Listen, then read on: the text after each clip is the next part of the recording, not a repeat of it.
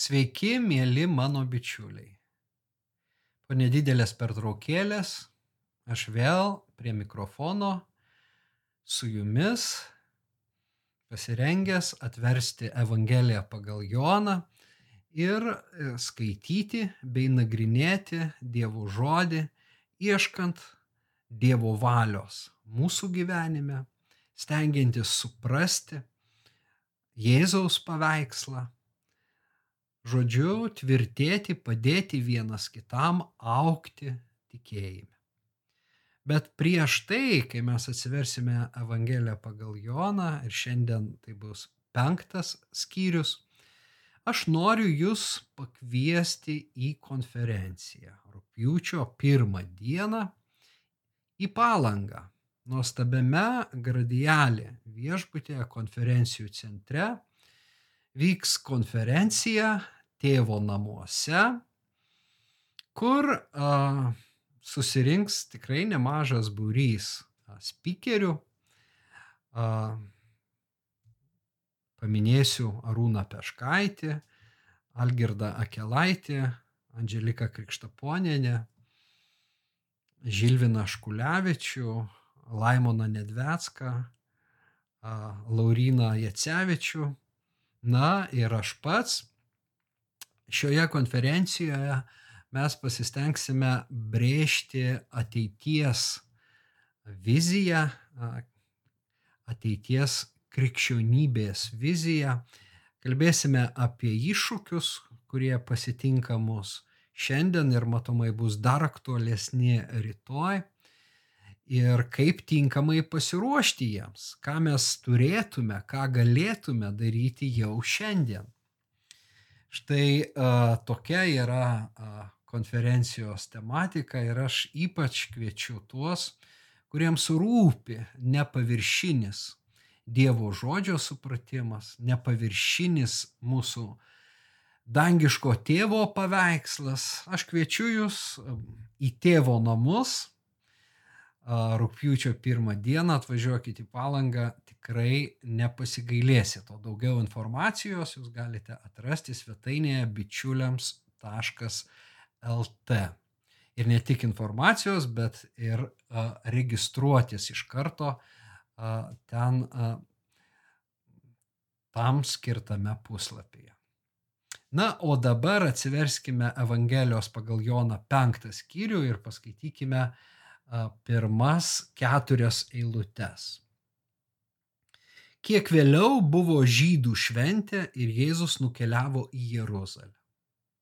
Jeruzalėje prie avių vartų yra maudyklė, žydiškai vadinama Betesta, turinti penkias stoginės. Jose gulėdavo daugybė ligonių, aklų, lošų, paralyžiuotų, kurie laukė vandens sujudant mat karkartėmis maudyklėn nusileisdavo angelas ir sujudindavo vandenį.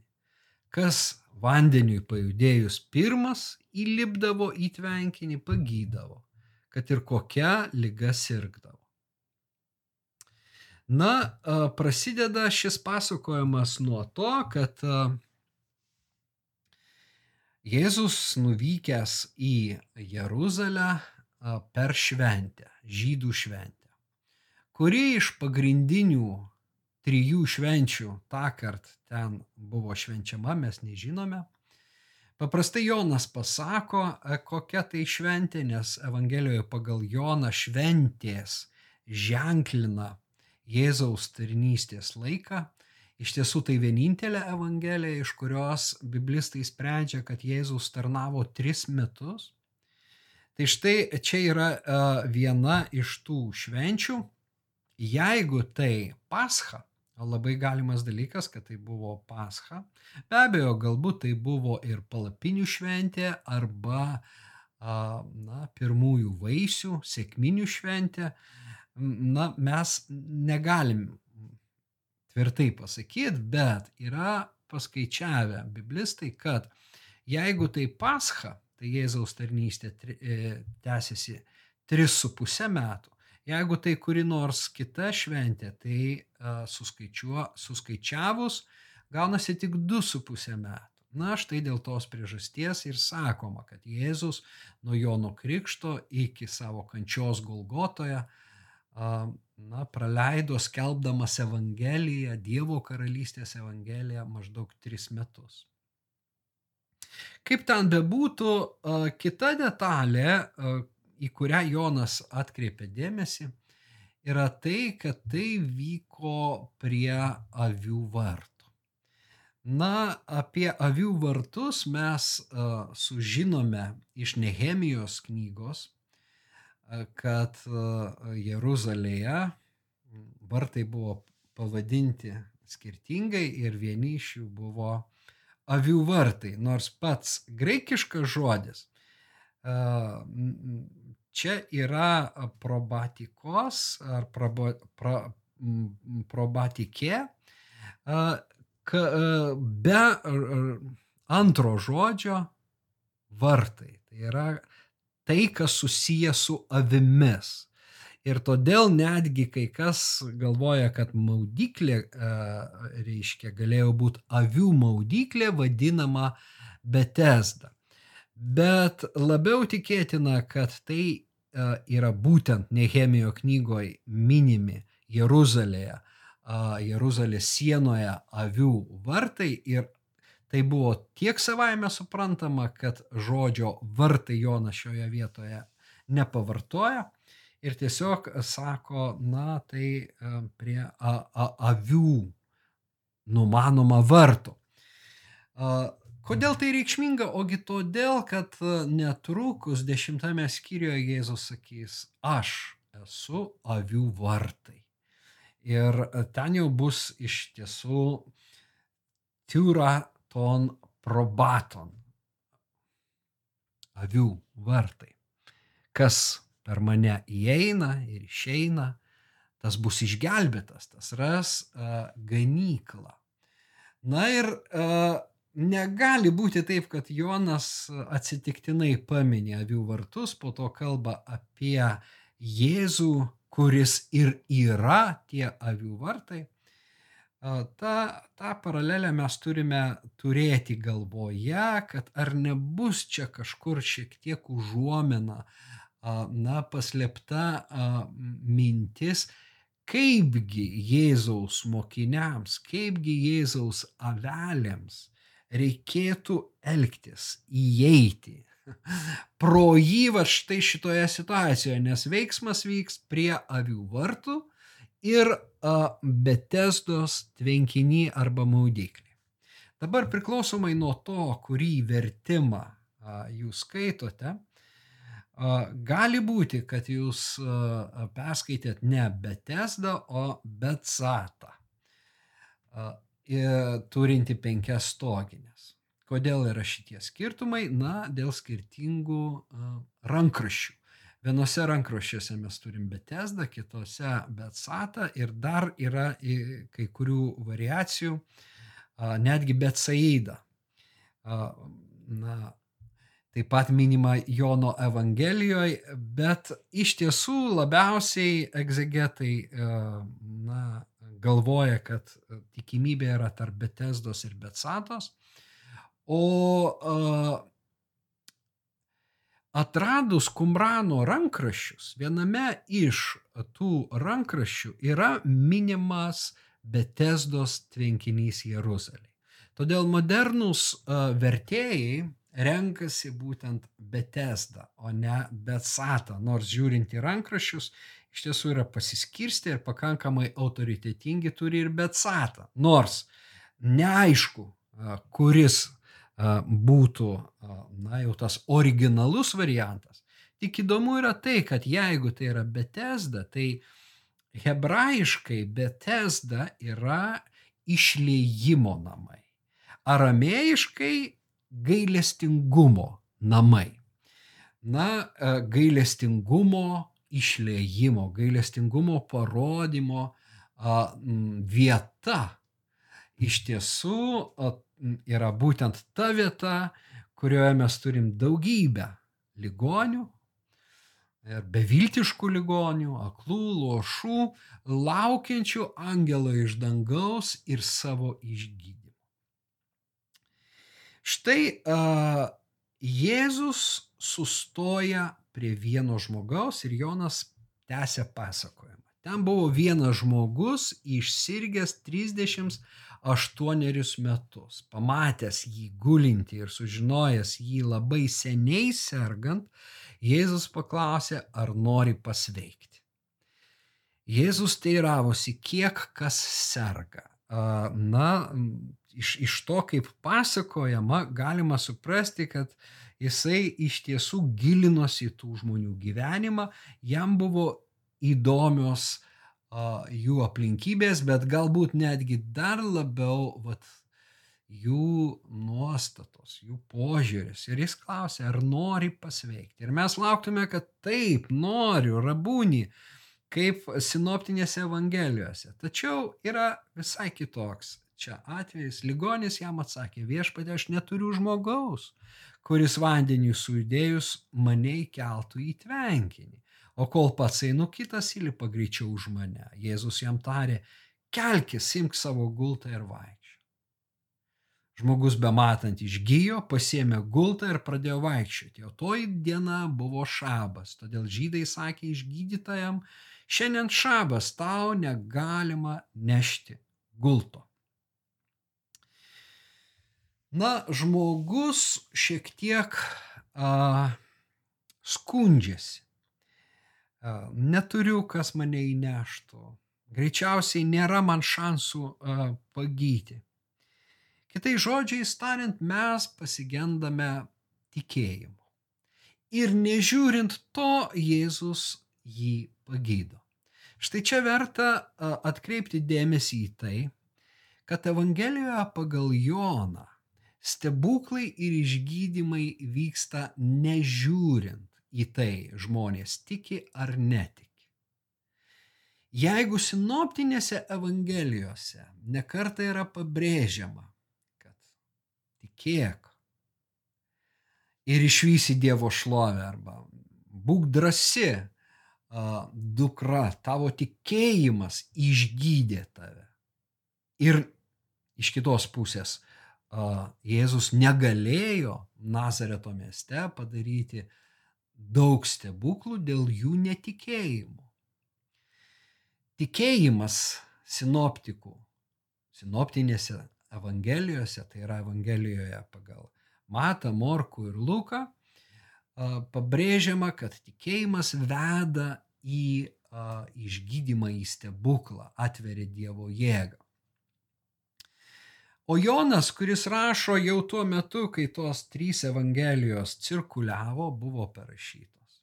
Jis nori subalansuoti ir parodyti, kad visgi stebuklai vyksta ne tik dėl žmogaus tikėjimo, o dėl Dievo gailestingumo ir gerumo. Gailestingumo namuose Jėzus pasako ligonį, kuris skundžiasi, neturi jokio akivaizdaus tikėjimo, būk sveikas, imk savo gultą ir vaikščiok.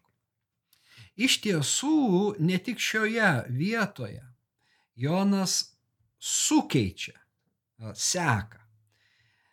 Pradžioje Dievo stebuklai, po to tikėjimas. Galiausiai jis baigė savo evangeliją, tą žinomą, citat, e, na, žinomą frazę, kad visa tai yra surašyta, jog jūs tikėtumėte ir, e, ir tikėdami turėtumėte gyvenimą. Šitie ne visa tai, bet šitie stebuklai buvo surašyti.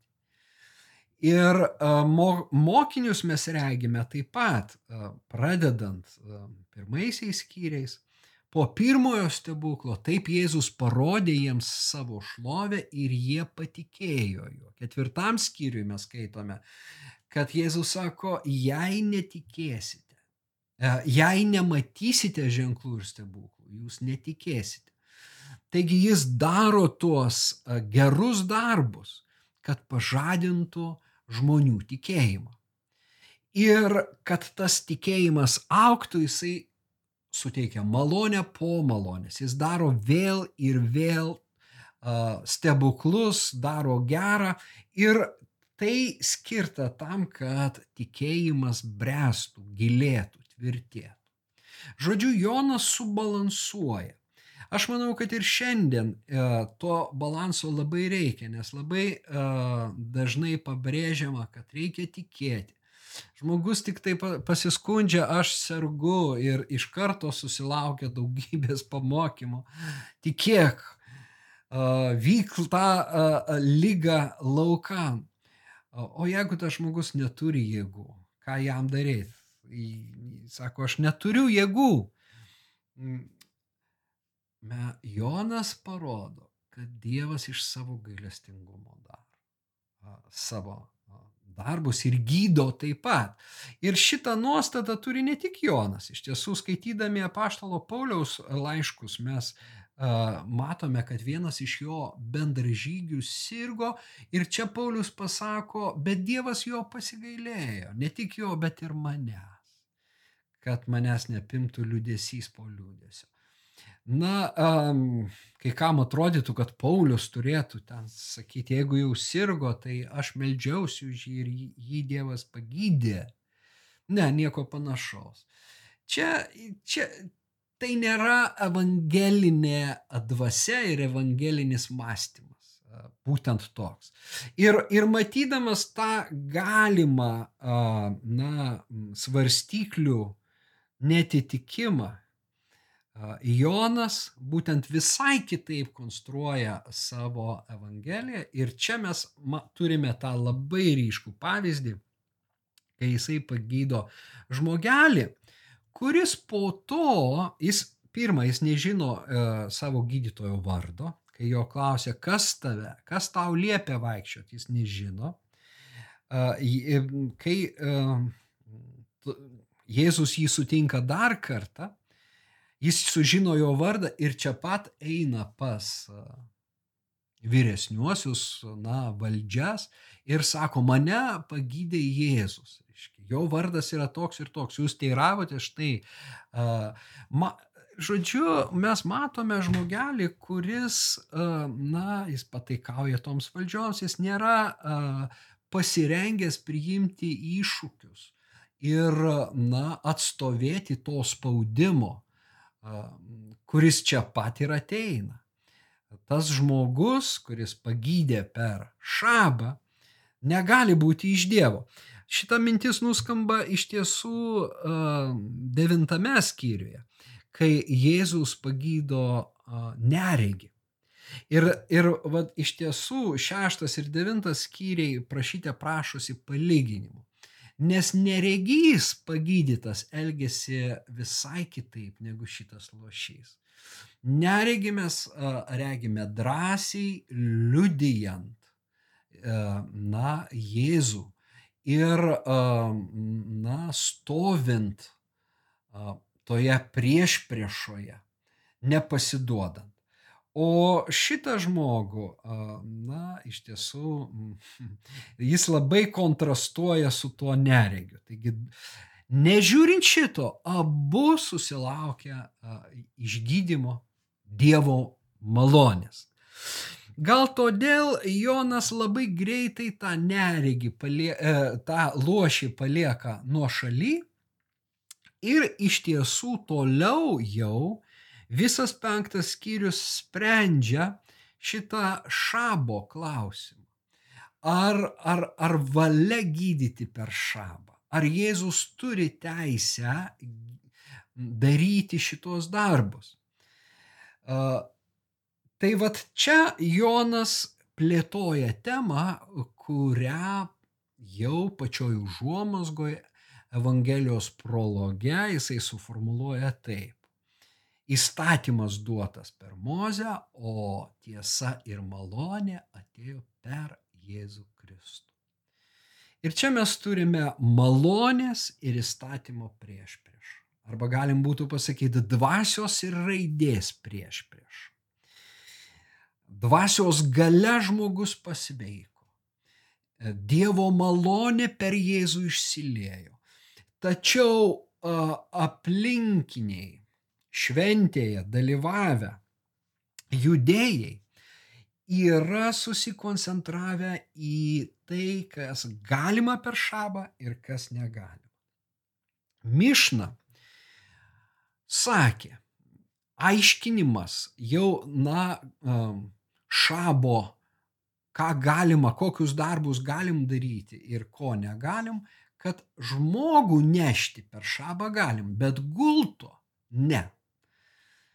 Tai jau yra nuodėmė. Ir kadangi šitas žmogus e, liepė, žmogus, kuris pagydė lošį, nešti gul, gultą, jis neatsižvelgia raidę, jis sulaužė raidę, jis negali būti iš Dievo. Dar daugiau, ne tik, kad negali, e, tie uolus e, judėjai yra pasirengę Jėzų nužudyti. Ir čia jau mes išgirstame būtent šitame skyriuje, kad jie nori nužudyti. Jėzų. Jie jau uh, galvoja apie susidorojimą, nes tai yra šventvagystė, kaip galima liepti žmogui nešioti gultą, kai aiškiai pasakyta, kad šito negalima. Dabar Jėzus galėjo išgydyti, sakydamas, kelkis ir vaikščiok, kaip vėliau Petras pasakys kitam lošiui, prie gražiųjų vartų, prie kitų vartų, apaštalų darbuose mes skaitom. Bet ne, Jėzus sako, imk savo gultą ir vaikščiok. Daryk tai, kas negalima. Tarsi jisai specialiai provokuoja tą prieš priešą. Na ir tai papiktina be abejo judėjus. Jisgi žino, šitas tradicijas, šita, šitos potvarkius. Ir nežiūrint šito, jisai tarsi provokuoja. Nors aš manau, čia reikalas ne provokacijoje ir ne konfrontacijoje, nors mes jau matome anksčiau Jėzų su rimbu rankoje, vartanti šventykloje stalus, keitėjų stalus ir gyvulius iš šventyklos vejanti. Taip kad Jėzus yra ir konfrontuojantis su tuo, kas yra priešinga Dievo dvasiai, Dievo širdžiai, nors yra įtvirtinta to meto teologų aiškinimuose. Ir čia gali būti dalelė to būtent, kad na, jisai konfrontuoja parodydamas, kad tie aiškinimai ne tai, kad yra klaidingi, bet jie nužmogina asmenį. Asmuo nueina į antrą, trečią planą, o raidė ateina į pirmą planą. Deja, šita situacija ir šiandien labai a, dažna ir, a, na, taip jau pasitaiko, kad a, pirma yra raidė, po to yra žmogus.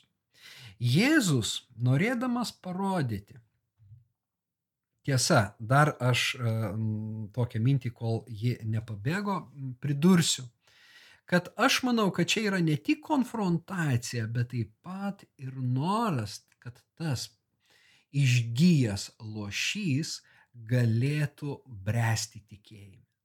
Jeigu jisai prisijims atsakomybę, ar ne, ieškos to savo gydytojus, pradės dėkoti Dievui už tokią malonę. Čia didelis stebuklas, viso gyvenimo perversmas. 38 metai a, neįgalaus gyvenimo ir dabar tas gyvenimas prasideda. Štai suteikiama galimybė per tą išmėginimą tikėjimo, kuris jo laukia, jam subręsti iš tiesų tapti Jėzaus pasiekėju. Na, panašu, kad tai nepasitvirtina, tai neįvyko. Ir mane be galo anksčiau stebindavo, kad sutikęs Jėzus uh, sako, štai tu esi sveikas, žiūrėk daugiau nenusidėk, kad ko blogesnio neatsitiktų. Ir aš sakydavau, kaip čia, žmogus gulėjo lošas, kokiu būdu, nu, mintise jis nu, nuodėmiavo, ką jis tokio padarė. Bet gilindamasis į tekstą aš supratau, kad iš tiesų šitame skyriuje, čia va, čia pat po to išgydymo, e, to luošio elgesys jau gali būti traktuotinas kaip, kaip na, nešvarus, toksai na, pataikavimas toms, reiškia, valdžioms, o ne garbinimas to gydytojo arba teiravimasis, kaip sakykime, samariečiai, skyrius anksčiau, kas tu toks esi, ar tu ne tas pranašas, kuris turi ateiti, ar, ar tu ne tas pasaulio gelbėtojas ir galiausiai jie sako, taip, tu esi šis. Mes žinome dabar, kad tu esi pasaulio gelbėtojas. Čia nieko panašaus nevyksta su šituo žmogum. Ir Jėzus sako, žiūrėk, tu sulaukai tokios malonės, žiūrėk, jos neprarask. Jeigu tu taip elgsis, na, iškyla grėsmė. Štai toks naujas pamatymas, kuris man atėjo, bet toliau skyriuje mes sutinkame štai tokius žodžius. Jis jau kalba tiems judėjams. Jūs tyrinėjate raštus, nes manote juose turi amžinai gyvenimą. O raštai liudija apie mane. Bet jūs nenorite ateiti pas mane, kad turėtumėte gyvenimą. Štai čia mes turime judaizmo ir, na, krikščionybės uh, perse savo esme susidūrimą. Tora, raštas yra judaizmo širdis. Ir judėjai tyrinėja raštus ir rašo komentarus, turi savo teologinius aiškinimus. Bet štai alternatyva - Jėzus Kristus. Tora ir Jėzus Kristus. Tyrinėti raštus yra gerai. Kas yra blogai, kad nenorima ateiti pas Jėzų. Nemanykite, kad aš jūs kaltinsiu tėvų. Jūsų kaltintojas yra mozei, kurį esate savo viltis sudėję. Jeigu jūs tikėtumėte mozę, tai tikėtumėte ir manimi, nes jis rašė apie mane. Bet jeigu jūs netikite jo raštais, kaipgi patikėsite mano žodžiais? Na, akivaizdu, kad Senąjį testamentą, raštus teisingai suvokti galima tik tai per Jėzaus asmenį. Tik atėjus pas Jėzų, pasak Pauliaus, nukrinta šydas nuo širdies, nuo proto. Kitu atveju, tebeskaitant Senąjį testamentą, šydas dengia a, ir jis neteisingai suprantamas ir neteisingai traktuojamas, kaip šita situacija ir parodo. Juk tikri Dievo garbintojai turėjo džiaugtis Dievo stebuklu ir žmogumi, kuris kentėjo ir štai jam suteikiamas šansas viską pradėti iš naujo, pradėti naują gyvenimą. Tačiau tiems žmonėms nesvarbu, kad tas žmogus pradės naują gyvenimą. Jiems kur kas svarbiau laikomas iš šabo ar nesilaikoma. Jau nekalbant apie tai, kad šabo esmė buvo visai kita. Iš tiesų ne tik tai, kad nurimt nuo savo darbų, kaip Dievas nurimo nuo savo darbų, bet atsisakyti godumo, pelnymosi. Na dabar į tai neverta gilintis, bet iš tiesų pakirsti va tas intencijas. Čiagi yra visai kas kita, čiagi daroma gera ir, ir Jėzus klausia, na, kitose evangelijose. Ar galim per šabą daryti gerą ar blogą? Ir ar jūs nedarot, jei visi įkrenta šabo dieną į duobę, ar jūs jos ne ištraukėte? Tai negi sergančio žmogaus negalima ištraukti, kaipgi nelygios tos svarstyklės, bet paradoksalu tiems žmonėms svarbiau yra tai, kad peržengta raidė o ne kad išgydytas žmogus. Ir kad jų pasikeistų požiūris, reikia ateiti pas Jėzų. Vienintelis būdas. Ir čia ir yra tai, kad galim skaityti šventą raštą, bet jei mes nesuprantame Jėzaus širdies, mes klaidingai jį interpretuosime. Mes pabrėšime visai kitus dalykus. Ir labai dažnai šventasis raštas yra taip pateikiamas, kad jis atneša pasmerkimą žmogui, sugniuždo, kankina. O jo paskirtis yra ta pati kaip Jėzaus. Aš atėjau, kad žmonės turėtų gyvenimą, kad apšiai jo turėtų. Aš atėjau ne, neteisti jūsų, bet išgelbėti. Suteikti gyvenimo apšiai, tik tai vagis ateina apvokti. O tas gerasis ganytojas, kuris sikiu yra ir avių vartai, ateina tam, kad suteiktų gyvenimo apstybę.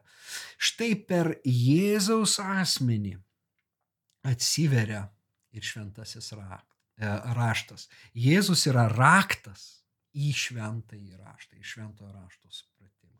Ir tai jisai uh, iš tiesų pasako tądien judėjams. Na, jau baigdamas aš um, paminėsiu dar tai, kad to tikslo išlaisvinti iš raidės vergyjos ir atverti gyvenimą malonėje, Dievo malonėje ir dvasioje siekia visi apaštalai. Čia Jonas be abejo rašo savo bendruomeniai. Aplink jį yra jo mokinių, jo pasiekėjų bendruomenė. Paulius turėjo savo bendražygius ir, ir bažnyčias, kurias jis pagimdė. Ir labai įdomu, kad vat, žiūrint paraleliai į Paulių, mes matom, kad tos pačios problemos. Matomai ir Jono a, skaitytojui, a, tam pirmajam adresatui vis dar buvo tas klausimas, ar mums reikia laikytis šabo. Kiek ta a, raidė svarbi yra. Ir štai pasakodamas apie Jėzų, Jonas parodo, kaip Jėzus sulaužė, tai netgi e, sąmoningai uh, sulaužė, išgydydamas tą žmogų. Paulius Galatijos bendruomenėse susidūrė su tuo pačiu iššūkiu. Ir jisai rašo, dabar pažinę Dievą, arba tiksliau Dievo pažinti, kodėl vėl grežiatės prie menkų ir beverčių pradų ir vėl norite jiems vergauti laikotės dienų, mėnesių, laikotarpių ir metų. Štai mes turime na, šventes, mes turime šabo dieną ir Paulius sako, tai yra antrailiai dalykai.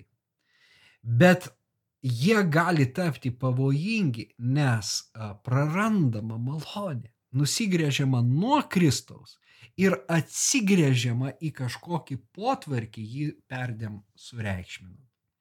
Nuogastauju dėl jūsų, ar tik mano darbas jūsų labui nenueis vėjais. Na ir kitame a, laiške niekas ten nesmerkia jūsų dėl valgio ir gėrimo, dėl švenčių jaunaties ar šabo. Visa tai yra ateities šešėlis, o jį metantis kūnas Kristaus.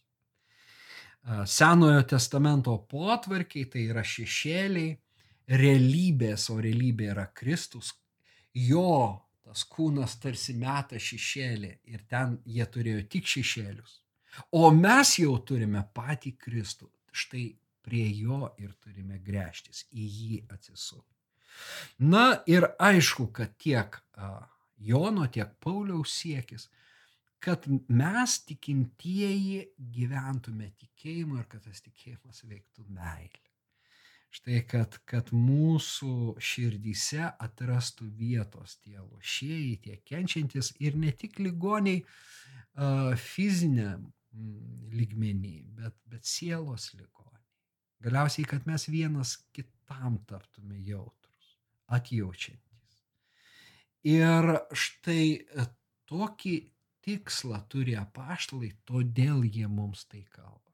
Štai persinkime tomis nuostatomis supraskime, kasgi įvyko e, tą kartą toje šventėje prie avių vartų. Kaip Dievo gailestingumas pasirodė. Ir kaip Jėzus jį atnešė.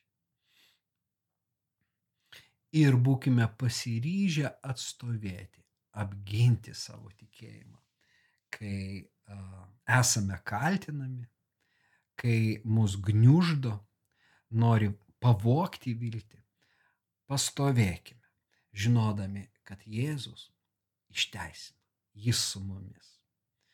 Jis mūsų užtarė, net tuo met, kai mes paslystame ar nuklystame. Jis nėra brolių kaltintojas, jis yra mūsų užtarėjas pas tėvą. Štai tiek minčių, Dievo malonės, Dievo artumo, viso ko geriausio jums ir iki kito.